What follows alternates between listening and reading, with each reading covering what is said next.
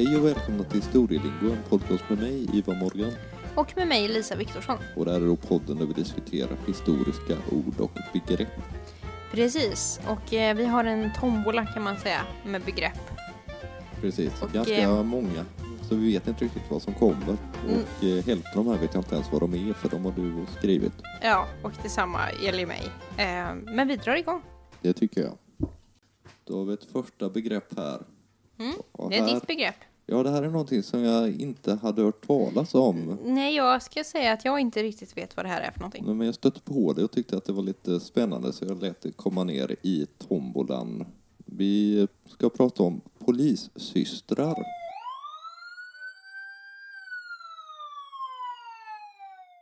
Okej. Och eh, det får ju förstås tanken till poliskåren.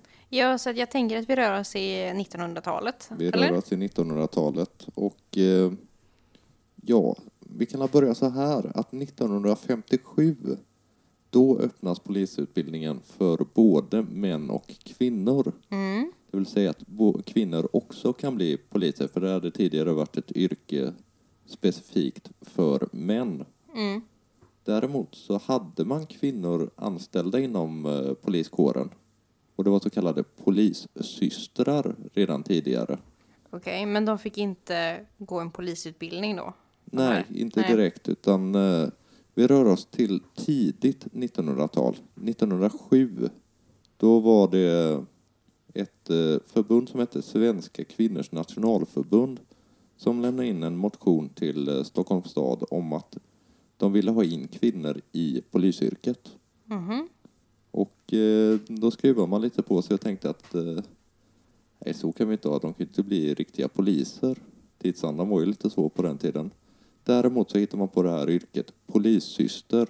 Och anledningen till det här var att eh, man i Stuttgart i Tyskland hade haft en sjuksköterska som hette Henriette Arendt som anses vara Europas första kvinnliga polis. Okej. Men de fick ju inte bli fullblodiga poliser utan de fick beteckningen polissystrar. Och eh, man började 1908 och eh, testade det här ett år och man insåg att det här fungerar ganska bra. Så 1910 så spred det sig bort från Stockholm och eh, eh, det började förekomma polissystrar egentligen i hela Sverige i olika städer, till exempel Göteborg. Och eh, vad hade då polissystern för arbetsuppgifter kan man fråga sig? Ja, det är ju frågan då. För jag tänkte först kanske att det skulle vara någon form av sekreterare eller administrativ tjänst, men, men de kallades ju för polissekreterare. Så, Precis. så det här är ju... mm, Jag vet inte riktigt vad de kan ha haft för... Nej, man får ju kolla lite grann på tidsandan när det gäller manlighet Mm. och kvinnlighet. Och kvinnor ansågs ju vara bra med andra kvinnor och barn framför allt. Jaha, okej. Så då skulle man ha sådana här polissystrar som tar hand om kvinnor och barn när de kommer in på stationen när det har hänt någonting. Och eh, man kunde inte ha så här eh, manliga poliser som visiterar kvinnor heller. Vi ju, även om det är tidigt okej. 1900-tal Ja. så är vi ganska nära den viktorianska eran liksom. Jag förstår. Väldigt pryda eran. Och då behövde man ju kvinnor som kunde visitera andra kvinnor också. Och eh, det var det här de höll på med framför allt i början. Men sen på 1930-talet så, så fick de lite fler arbetsuppgifter. De kunde till exempel börja vara med på spaningar då. Mm. De eh, kunde vara med på husrannsakan om det var ett kvinnas hem. Okej. eh, För att jag tänker med en husrannsakan så är ju inte vederbörande ens hemma. Så varför spelar könet någon roll då kan man ju... Det kan man verkligen undra. Det har inget bra svar på hur de tänkte där. Nej, Men så var jag det alla förstår. Men det, ja. Mm. Och sen så kunde de börja med förhör med kvinnor. Mm. För att det gällde sexualbrott då bara. Okej. Så det var bara när en kvinna hade begått någon form av sexualbrott som eh, de här polissystrarna fick vara med och förhöra. Ja, men även eh, vittnes... Ja, Ta vittne. vittnesmål Mm. eh, också. Ja. Precis. Så Ehm, det, och tänkte, ka- av barn också kanske? Nej, det vet vi inte. det vet jag faktiskt inte. Nej. Men framförallt kvinnor. Mm. Ehm, Men sen då på 50-talet, 1957, så öppnas då polisutbildningen både för män och kvinnor. Och sen dess har vi haft både manliga och kvinnliga poliser. Det här säger ju, det här begreppet säger ju väldigt, väldigt, väldigt mycket om kvinnosyn generellt i samhället på 1900-talet. Absolut, det var därför jag tog med det. Det var Ehm. därför jag tyckte det var intressant, för att det är ett väldigt målande begrepp för gängse könsmaktshierarkier för det första, men även tanken om olika kön också. Att, eh, Ja, att det, det är så tydligt här att kvinnan är, ska vara varm och moderlig och eh, ta hand om Barn och barn och andra kvinnor. Och, ehm, nej, ja, det, säger väldigt mycket om eh, det svenska samhället under tidigt 1900-tal. Det gör det definitivt. Ehm, och ehm, det, vi, för några, ja, det börjar bli ganska många veckor sedan så talade vi om folkskolan ja, och om eh, att eh, lärare är ett yrke som ändå kvinnor fick hålla på med redan på 1800-talet. Och eh, det var nog nästan vanligare i alla fall på, på landsbygden att det var lärarinnor som, eh, Mm. som ledde undervisningen. och särskilt i småskolan. Ja, så det var ju, det var ju ett, ett yrkesområde där kvinnor har fått vara yrkesverksamma. Men här blir det väldigt tydligt att kvinnor fick vara yrkesverksamma. Men, Men de fick inte ha på samma samma- villkor som männen. Nej, sen är det klart att det var inte samma villkor för lärarinnor heller, för det är klart att det inte var samma lön, det var inte samma. Men det var ju ändå någon slags rent praktiskt samma yrke Mm. att, att undervisa oavsett om det var man eller kvinna. Eh, Medan här blir det så tydligt att kvinnorna fick förvärvsarbeta, men de fick ju inte ha samma titel och Nej. samma uppgifter som en man. Det var man tvungen att särskilja. Eh, och, och, det, och det här är ju senare. Det här är ju nästan in i modern tid. Det här är ju förmodligen många av våra, det ju många av våra lyssnare har ju liksom kommer kanske ihåg det här, kan jag tänka mig. Ehm, för det är ju inte längre tillbaka än så.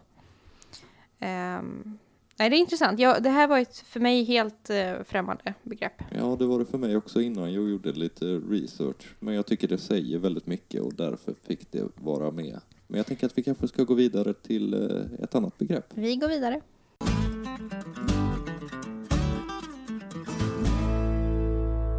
Ja, vi går ifrån eh, polissyster till lekbroder. Och vad Eller syster. Och vad är då det? Lekbroder och leksyster. Um, vi ska gå till kyrkans värld.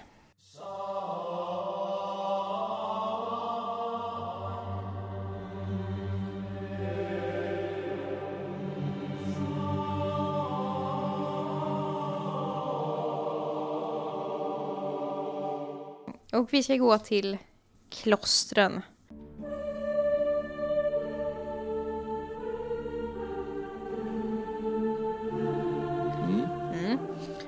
Eh, nu får vi någonstans tala med svenska mått mätt för att eh, det, när det gäller kloster och så vidare, jag kan inte så mycket om moderna eh, kloster runt om i världen så jag får gå till det medeltida Sverige.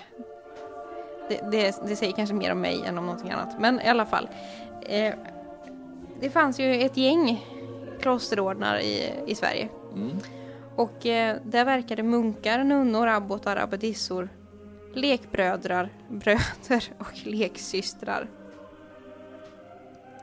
Och munkar och nunnor, de avlade klosterlöften. De var djupt troende. De var, Kyska. ja det var, det var de. Eh, det krävdes nog även av eh, lekbröder och leksystrar. Men, men man eh, gick i kloster för att man ville ge sig till Gud och man höll, höll på med andligt arbete. Ofta i, kanske i tysthet och man, eh, man, eh, man ägnade dagarna framförallt åt att be och kanske arbeta med att eh, ja, skriva, skriva olika former av religiö- religiösa texter eller översätta texter till latin eller till svenska och sådär. Eller var ute i örtagården. Ja, det kunde de också vara. Men några som kanske framförallt var ute i örtagården, det var lekbröderna och leksystrarna. Och de ordet lekbroder, leksyster, det kommer från grekiskan, laikos. Laikos. Och det betyder som tillhör folket. Och de här lekbröderna och leksystrarna, man kan väl säga att de var någon slags vaktmästare i klostren. Jag De gjorde, de gjorde alla möjliga praktiska uppgifter, som till exempel att rensa ogräs i örtagården, eller städa, eller laga mat, eller som sköta den vardagliga ruljansen. Ja, okej, jag förstår. Och eh, de behövde då inte ha eh, liksom avge kloft, klosterlöften eller sådär, utan de, de arbetade som någon slags vaktmästare kan man säga. Och eh, det är ganska vanligt, vi har talat tidigare i den här podden om att man kan eh, gå i kloster i en period i livet. Som kvinna till exempel så kan man gå i, gå i kloster i en tid eh, för att sen då kanske gifta sig. Och då gick man ju, och då var man ju leksyster eh, oftast. Inte fullvärdig liksom nunna utan kanske leksyster eh, under en tid för att sen kunna gifta sig. Och i klostret då lärde man sig hur man skulle ta hand om ett hushåll och en trädgård och så vidare. Och eh, vi gillar ju i den här podden att prata om hur ord kan ändra betydelse och hur, ja, hur man använder ord i olika tider. Och från det här begreppet lekbroder, leksyster så kommer ett annat ord som vi använder mycket idag. Lekman. Ja, att man är... eh, Ja, hur ska man förklara? Att man är amatör- lite Man- amatörmässig. Ja, man är amatör helt enkelt. Eh, och det kommer ju ifrån begreppet lekbroder. Och det är att lekbrodern var ju någon slags en amatörmunk. Jaha. Och en lekman idag är att vi kan väl säga att vi är lekmanna radioproducenter. För att vi är, eh, ingen av oss är, är ju utbildad eh, på det här vi håller på med. Eh, så vi, vi är ju lekmän inom det här området då. Så att ordet lekman, det används ju väldigt ofta i, i, eh, i dagens samhälle och det kommer då från lekbroder. Som kommer från ordet laikos som betyder tillhör folket. Jag förstår. Det är ett superbra begrepp. Ja, vi går vidare. Vi går vidare.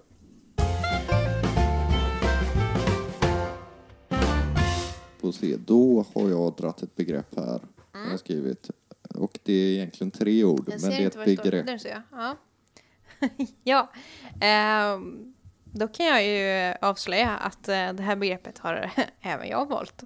Men nu är det din lapp så då får du Då får jag, föra facklan.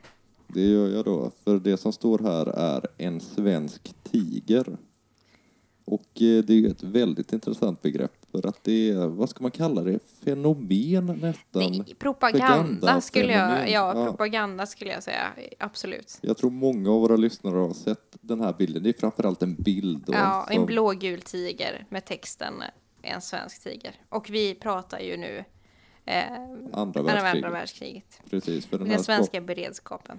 den här skapades 1941 och är illustrerad av en man som hette Bertil Almqvist.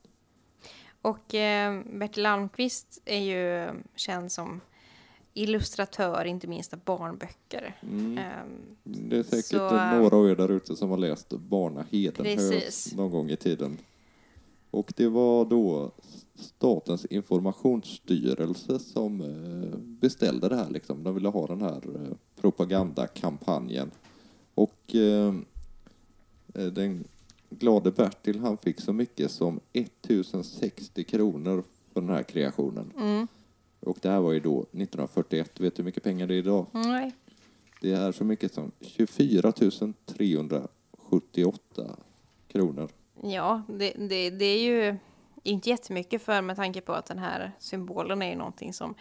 Jag tror att många, om man frågar vad tänker du på när, om man säger svensk beredskap under andra världskriget, så tänker nog väldigt många direkt en svensk tiger. Jag tror också det. Och den spreds ju, som du sa, enormt i hela 400 000 exemplar. Mm. Och den fanns ju överallt i samhället. Den fanns på tågstationer, den fanns i kupén när man stod på, eh, steg på tåget. Den fanns när man steg av på centralstationen. Den fanns i tidningsbutiker. Den fanns som klistermärken och överallt. Och jag tycker ju att det här... Nu, vi bor i Göteborg. Och det är fantastiskt ändå att det är en ordvits som folk tänker på. Precis. För det här är ju då en mål, en, den här mål, eller illustrationen är ju en blågul tiger. Och det är en svensk tiger, ja, den är blågul, men det handlar ju om att man ska hålla käft. Precis. Man, Helt enkelt. Det beror ju på om man tolkar det som att det är ett verb eller ett substantiv. Precis. Och den här ordvitsen. För om det är ett verb så är det ju håll tyst om saker som kan, eventuellt kan skada Sverige i vår neutralitet. Men ser man det som ett substantiv så är det, och med att tigen är ju lite stark och smidig och eh, en gnutta farlig också så att då blir det lite mer den associationen folk gör. Men jag skulle tro att det är verbet Det är man är verbet. ute efter. För att eh, Sverige var ju neutralt under andra Precis. världskriget. Och även första världskriget. Ehm, och ehm, den svenska neutraliteten var man ju otroligt rädd att man skulle rucka på. Absolut. Och, Och, ehm, det finns även andra indikationer på det du säger där. För att 1942 så kom den här tigen som en nål Mm. som man kunde ha på eh, rocken. Och då stod det bara jag och sen så tigerbilden under så blir jag tiger. Mm. Ehm, så, så det här var ju, tror jag, en väldigt slagkraftig propaganda. Väldigt enkel och slagkraftig propaganda. Ehm, som satt överallt. Och, och eh, som sagt, den lever kvar. Den lever kvar. Och- kan, det kan vi ju säga att i det här hemmet finns en kortlek med eh, motiv av svensk tiger på. Ja, och den blev faktiskt lite uppmärksammad den här tigern för några år sedan. Mm. För det var en twist. Okej. För när eh, Almqvist gick bort så royaltyn, eller vad man ska säga, upphovsrätten, Mm. eh, gick till hans döttrar då. Och då Ja. var det ett speciellt museum som köpte in sig på det. Ja, Kan du gissa vilket? eh, ja, jag har väl en stark känsla om att det kan handla, handla om Beredskapsmuseet i Helsingborg. Det stämmer alldeles utmärkt. Detta fantastiska museum. Ut- Väl värt en utflykt till. Ja, det det, det är ett fantastiskt museum. Det är lite kaotiskt men väldigt intressant. Det är, väldigt, det, det, det är byggt med väldigt mycket mm, Passion. passion, absolut. Men Försvarsmakten, de har fortsatt använda den här tigen i flera år liksom i sina, ja dels kanske om de gjorde något historia men även i liksom propaganda eftersom Mm. det är en så väldigt stark eh, symbol för Sveriges försvarsmakt. Mm. Och eh, problemet var ju att eh, de ägde inte upphovsrätten. Så de blev Nej. stämda utav eh, Beredskapsmuseet. Och eh, döttrarna då. Okej. Eh, För de hade använt det här i ett 20-tal år någonting utan eh, lov. Vilket jag kan tycka är lite konstigt eftersom det var Försvarsmakten som använde det från Ja, början. det är Men, lite snurrigt. Ja. ja, I alla fall, det slutade, det hela slutade med att eh, Beredskapsmuseet fick ett skadestånd på 100 000 kronor och de två döttrarna fick 600 000 kronor att eh, dela på. Okej.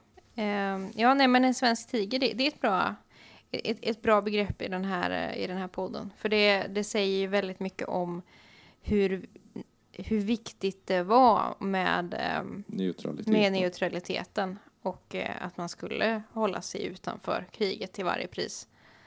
Ehm, och det, det är ju någonting som ju kan diskuteras i oändlighet och som är ganska känsligt för många. Men hur det nu än var så var Sverige i alla fall inte indraget i kriget. Sen kan man diskutera huruvida, hur, hur, hur pass neutralt Sverige var och så vidare. Men eh, det är en diskussion som eh, vi nog håller utanför den här podden tror jag. Ja, eller kanske ta det en annan gång. Ja, som sagt. För det, det kan vara lite känsligt för folk det där. Men ehm, en svensk tiger är i alla fall en, eh, och det är en väldigt festlig, eh, festlig bild. Han var ju väldigt duktig Almqvist Mm. på att illustrera. Och bara som bild som du säger, den är väldigt tidstypisk också i sättet att gestalta liksom med, med bilder.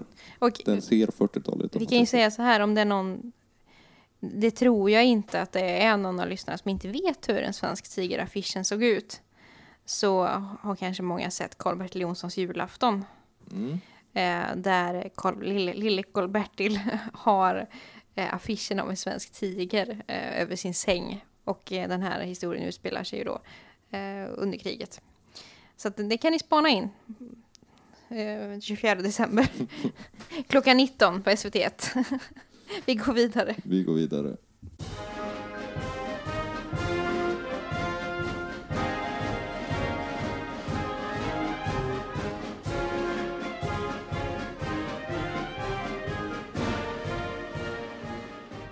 Och på den här står det kröningsmantel. Ja, Det är en sån där röd historia med eh, hermelin är det på va? Mm, jag skulle mm, ställa mig lite frågande till röd. Mm. Mm. Ja, okej. Jag återkommer till det. Det här är del två i Lisas utläggningar om eh, svenska kröningsprocesser. Ja, spännande. Eh, för er som har missat så har vi för några veckor sedan diskuterat handfästning Just det. och eh, konungaförsäkran. Och nu tar vi tag i kröningsmanteln för någon måste göra det. Eh, Och varför kan det inte vara vi då som gör det? Eh, de, det finns bevarat ända sedan 1500-talet finns eh, kungliga kröningsmantlar eh, bevarade i Livrustkammaren. Dock inte Oscar IIs kröningsmantel. Han är den sista då som lät sig krönas. Vi Mm. repeterar, även om vi lyssnar, har samma lyssnare kanske, så repeterar vi att Oscar II, han var den sista som, eh, som lät sig krönas i Sverige. Och jag kan repetera med att säga att det är, det är ett fantastiskt foto om någon inte har sett det. Ja, och det här var då 1873 som han läts krönas. Och hans mantel finns bevarad i den kungliga skattkammaren på Stockholms slott. Mhm. Men det här med kröningsmantlar, det är inget som bara har figurerat i Sverige, utan det är det ju i hela Europa. Och ehm, den första som vi vet i Sverige som lät kröna sig och ha, alltså ha en kröningsmantel på sig, det var Erik Knutsson. Ja, det, den gamla liraren. Ja, 1210. Och sen har, har eh, de flesta haft det här. Och det gäller både kungar och drottningar för att även drottningar kröntes. Mm. Inte bara kungar och inte bara så att säga regenten utan även regentens gemål. Så därför så har även våra icke-regerande drottningar blivit krönta. Men hur som haver. Eh, själva, jag vet inte om man ska börja med manteln eller kröningen. Vi kan ju säga vad själva kröningen är för någonting. Ja, det tycker jag absolut att vi Ehm, kan göra. Och det handlar ju om att man kröner en regent. Det är första gången som man får kronan på sitt huvud. Mm. Och man blir smörjd med olja Precis. Det är, en- det är en kyrklig ceremoni. Och man får de så kallade riksregalierna också. Alltså det kungliga, det guldäpplet, och spiran och kronan. Och man lämnar som vi har pratat om tidigare sin kung, konungaförsäkran. Och 1975 så avskaffas kröningen helt. Så att ehm, Oscar II, som jag sa, han var den sista 1873 att bli krönt. För att Gustav V ansåg att det inte riktigt var tidsenligt 1907 när han blev krönt. Och sen så har efterföljande kungar inte heller tyckt att det varit relevant riktigt. Däremot eh, drottning Elisabeth tyckte att det var väldigt Ja. relevant. Jag tänkte, jag tänkte komma till det, att ehm, i hela Europa så har man, alla kungahus har avskaffat kröningsceremonin. Utom Storbritannien. Så att den 2 juni 1953 så kröns då Elisabeth II eh, på West, Westminster Abbey i London. Och eh, de har ju fortfarande inte avskaffat sin, sin kröning, så att vi får väl se. Eh, Om Charles Ja, om den nu skulle... axlar manteln. Ja, precis. Och hur... Vi får väl se i framtiden då om, om man behåller kröningsceremonin eller inte. Men det finns, de har inte avskaffat den i alla fall. Men i Sverige och i övriga Europa. Så, att, så är den helt avskaffad. Men det, ordet som vi drog, det var ju kröningsmantel. Mm. Och du opponerade när jag sa att den var röd. Mm. Det, det är inte helt fel, är det inte. Men enligt tradition så ska en krönings, kröningsmantel vara i purpur. Ja, men du har rätt i att den har varit röd, för under 1700-talet så gjorde man den faktiskt röd. Så det stämmer, många som vi har sett 1700-1800-talsmålningar har ju röda eh, mantlar. Men tradition, traditionsenligt ska den vara purpur, och- purpur och det är då en lila-blå eh, färg. Som man höll på med under medeltiden. Och den skulle vara i sammet. Och det var bara eh, regenten och eh, regentens gemål som fick lov att ha eh, sån här eh, ja, röd-lila eh, mantlar. Eh, alltså kungen och drottningen, ingen annan. Prinsar, prinsessor och andra de fick ha så kallade furstliga mantlar. ja okej. Och de var blåa. Marin, mörkblå, marinblå. Är det fortfarande så idag? Jag vill minnas att Charles hade på sig någon slags mantel när han blev Prince Ja, of Wales. Det stämmer. Det, i, I det brittiska hovet har det inte hänt jättemycket sen, sen medeltiden. Fast det, det, ja, medeltiden, nu ljög jag lite för egentligen nu 1700-talet som det formellt införs de här förstliga mantlarna som är blå. Ja, då. okej. Men de ska vara i sammet och de ska ha hermelin på sig. Mm. Mm. Och eh, Varför just de stackars hermelinerna? det är väldigt intressant. I Sverige så hade man inte hermelinpälsar under medeltiden. Eller man kunde ha det, men det var inte det, var inte det viktigaste. För i Sverige så var hermelin inget jätte, det var exklusivt förstås, det var dyrt för det är ju väldigt lite päls på ett så litet djur. Så det är klart att det var dyrt, men det var inte en stor brist på hermelin i Sverige. Och dessutom så fick man bara jaga hermelin på vintern när den var vit. Ja, okej. På sommaren var den fredad, då var det olagligt att jaga hermelin. Så i Sverige var inte det riktigt en grej på medeltiden. Men det blev senare och det kom ifrån, utifrån Europa. För längre söderöver så var hermelinpäls ju en importvara som var väldigt, väldigt, väldigt, väldigt exklusiv. Ja, jag Och förstår. eh, det var då bara kungligheter som fick ha på sig hermelinpäls. Och eh, som så mycket annat så spred det sig och blev en trend även i Sverige. Och eh, den ska ju då vara vit, hermelinpälsen, och sen ska det vara instoppade svarta tofsar Ja, i den. Det här är ju någonting som inte, Eh, inte riktigt är up to date att ha hermelinpälsar eh, då. Men, eh, men det hade man. Och det var en viktig, viktig detalj för det fick inga andra människor liksom gå runt i sådana här eh, mantlar för de var exklusiva för kungligheter. Som sagt, vi var inne på den brittiska familjen. Och eh, drottning Elisabeth och hon lät sig ju krönas i en, eh, en röd, lång eh, mm, sammetsmantel med vit hermelinpäls. ja, och hela spektaklet tv-sändes också. Det tv-sändes och eh, så vidare. Men eh, drottning Elisabeth har nu för tiden slutat helt att använda päls och eh, har, har tagit avstånd ifrån hermelinpälsar. Jag har inte jättemycket mer att tillägga om kröningsmantlar. Nej, Men, eh, men eh, jag tycker det är ett intressant plagg. det får man verkligen säga. Det är Det, kul det, med det, är ju, faktiskt. det är intressant med klädhistoria och att just ett, ett plagg kan symbolisera så mycket. Mm. Att det till och med så att det fick inte vem som helst ha på sig. Det var bara för kungar och drottningar.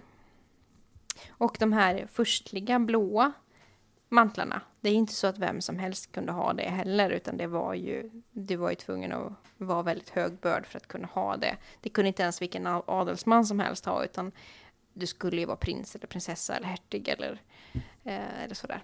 Högvälboren. Precis. Vi kanske sätter punkt för det här avsnittet här, men innan vi eh, stänger ner helt så går det bra att kontakta oss om man vill eh, kommentera eller fråga eller ja, säga hej. Ja, och ni kan mejla till oss på historielingo.gmail.com. Eller gå in på vår Facebook eller Instagram-sida som vi tydligen har. Ja, och där heter vi Historielingo. Ehm, så får ni ha det så bra tills vi hörs nästa gång. Ha det bra. Hej.